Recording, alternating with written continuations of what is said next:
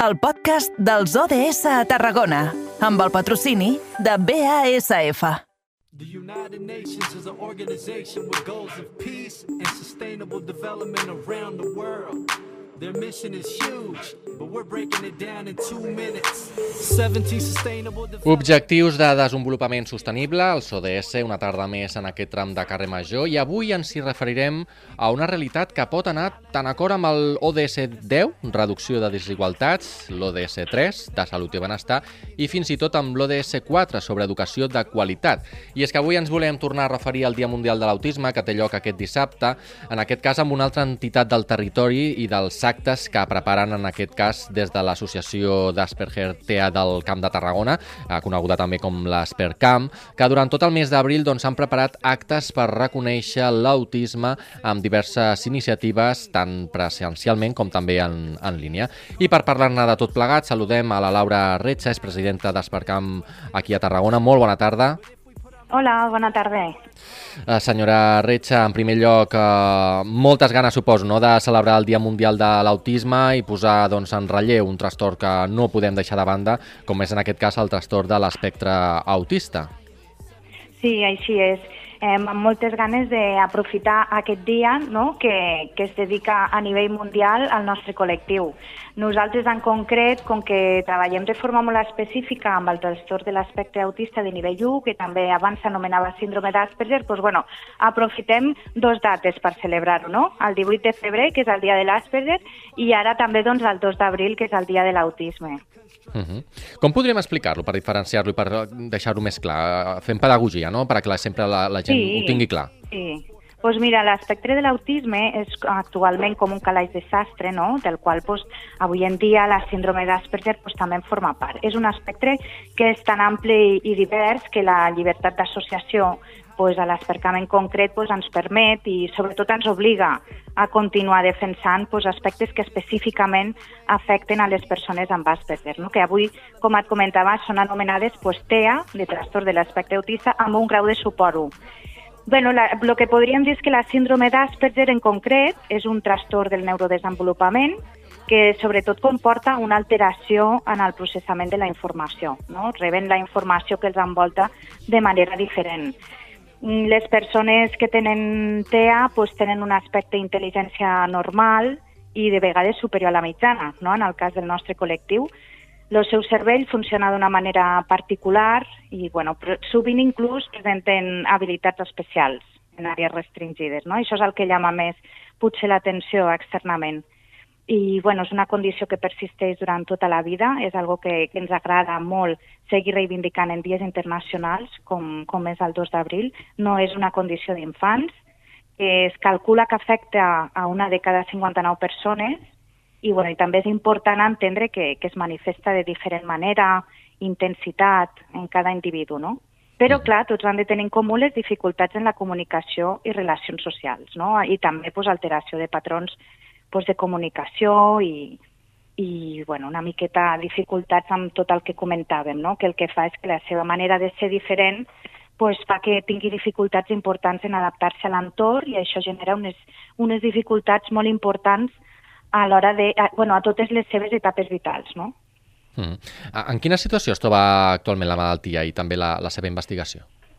Bueno, és important, primer que res, entendre que és una condició, que no és una malaltia. És, una, el, simple, bueno, és tan senzill com, com que el cervell, les connexions neurològiques són diferents. No és uh -huh. cap malaltia, d'acord? Llavors, mm, bueno, la situació que es troba és que cada cop hi ha més coneixement, per sort, cada cop es diagnostica més, però segueixen un misteri l'origen. No està clar, se sap que que hi ha un origen neurobiològic amb el sentit de que sol haver més d'un membre en una unitat familiar, però es desconeix l'origen a dia d'avui. Llavors, bueno, cada, um, des de l'Aspercam i el que actualment sembla que estigui més reconegut a nivell terapèutic, no? que funciona millor, és la teràpia cognitivo-conductual. I bueno, nosaltres aquí des de l'associació pues, tenim un ampli equip que el que fa és donar aquest suport perquè l'administració pública, el servei sanitari, no ens l'està oferint amb la periodicitat ni amb la professionalització que necessitem. Uh -huh.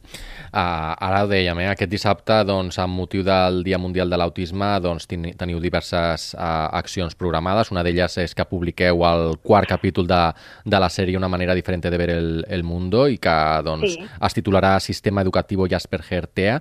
Uh, sí. Com l'heu enfocat? Fes-nos cinc cèntims pues mira, aquest, al igual que, que la resta, hi ha una part molt breu que ens fa una introducció a una de les nostres psicòlogues especialitzades. En aquest cas ha estat la Irene. I després hi ha tota una primera part que es parla en primera persona les famílies i una segona part, o sigui, quina és la seva experiència amb el sistema educatiu com a pares i mares. I després hi ha una segona part que ens diuen en primera persona persones adultes amb la condició de quina manera han viscut l'etapa educativa, amb els seus suports i les seves traves. No?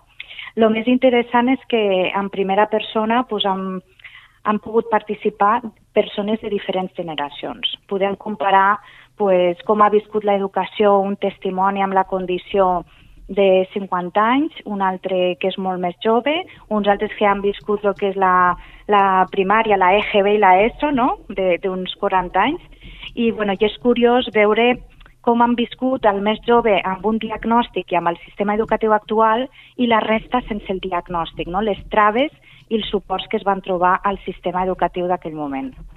Llavors, bueno, és molt ampli en aquest sentit. Actualment a l'associació estem molt contents perquè fins fa poc teníem en tot no? un, un punt de vista molt familiar i dels professionals, però ara cada cop tenim més adults que en primera persona ens poden dir mm, com enfocar les coses, no? I això ens dona un valuós molt un, un, un valor molt gran a l'hora de fer les coses uh -huh. i els nostres projectes. I diumenge, doncs, una caminada solidària. Sí, una caminada que, bueno, molt sorpresos, molt contents, perquè és una caminada que teníem pendent ja des de l'any 2020, però la pandèmia, clar, no, no ens va deixar dur-la a terme. Llavors, per fi, aquest 3 mm, d'abril la podrem dur a terme. En 72 hores ja s'havien apuntat més de mig miler de persones, així que més contents no podem estar. Ara només estem esperant que ens faci bon temps i que la puguem Això. gaudir a tope. Sí, sí.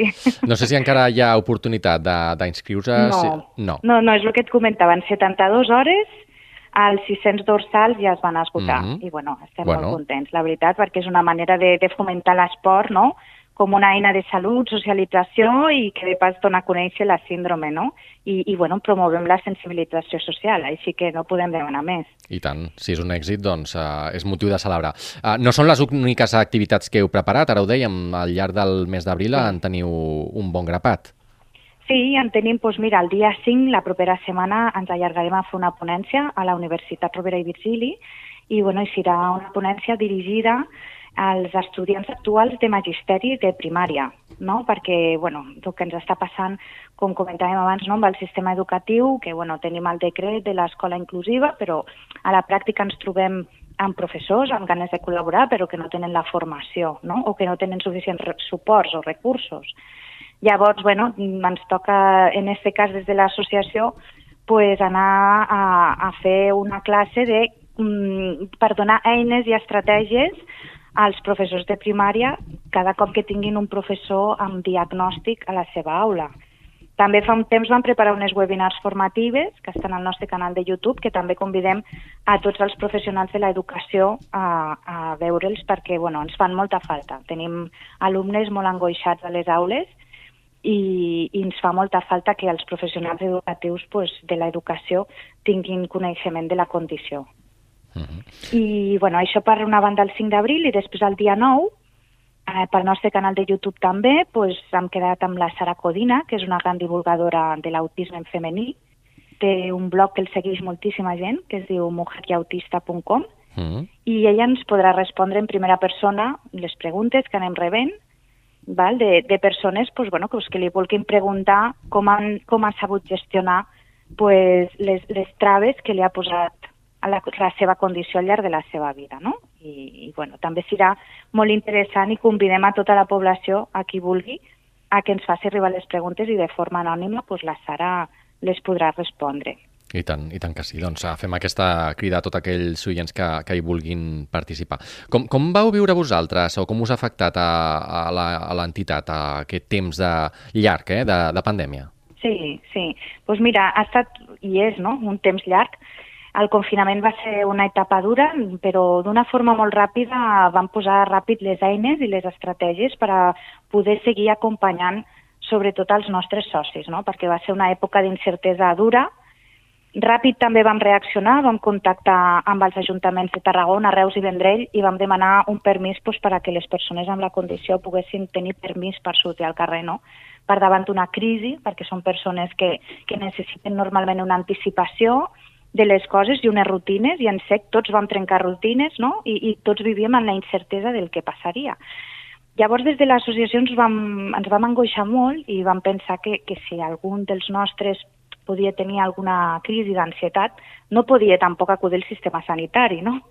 Perquè en aquell moment de, de confinament era molt complicat poder accedir.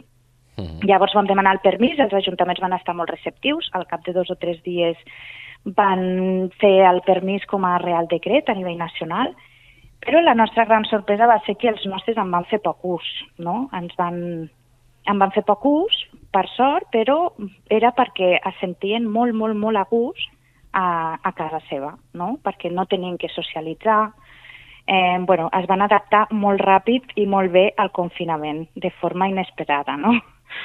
La nostra feina va ser després ajudar-los a adaptar-se a tornar a la normalitat. Mm-hmm. Però bueno, estem contents perquè aquesta demanda va ajudar molta gent. Llavors, bueno, ens hem anat adaptant a cada moment en donar el suport al començament online i conforme les mesures sanitàries ens van anar deixant, pues anar augmentant la presencialitat. I, I molt bé, el que passa que també hem rebut un impacte important perquè va ser una època d'introspecció molt gran durant el confinament, no? i molta gent que va teletreballar i que van passar moltes hores a casa, i hem tingut un boom de peticions de persones que ens demanen orientacions diagnòstiques, que ens demanen diagnòstics.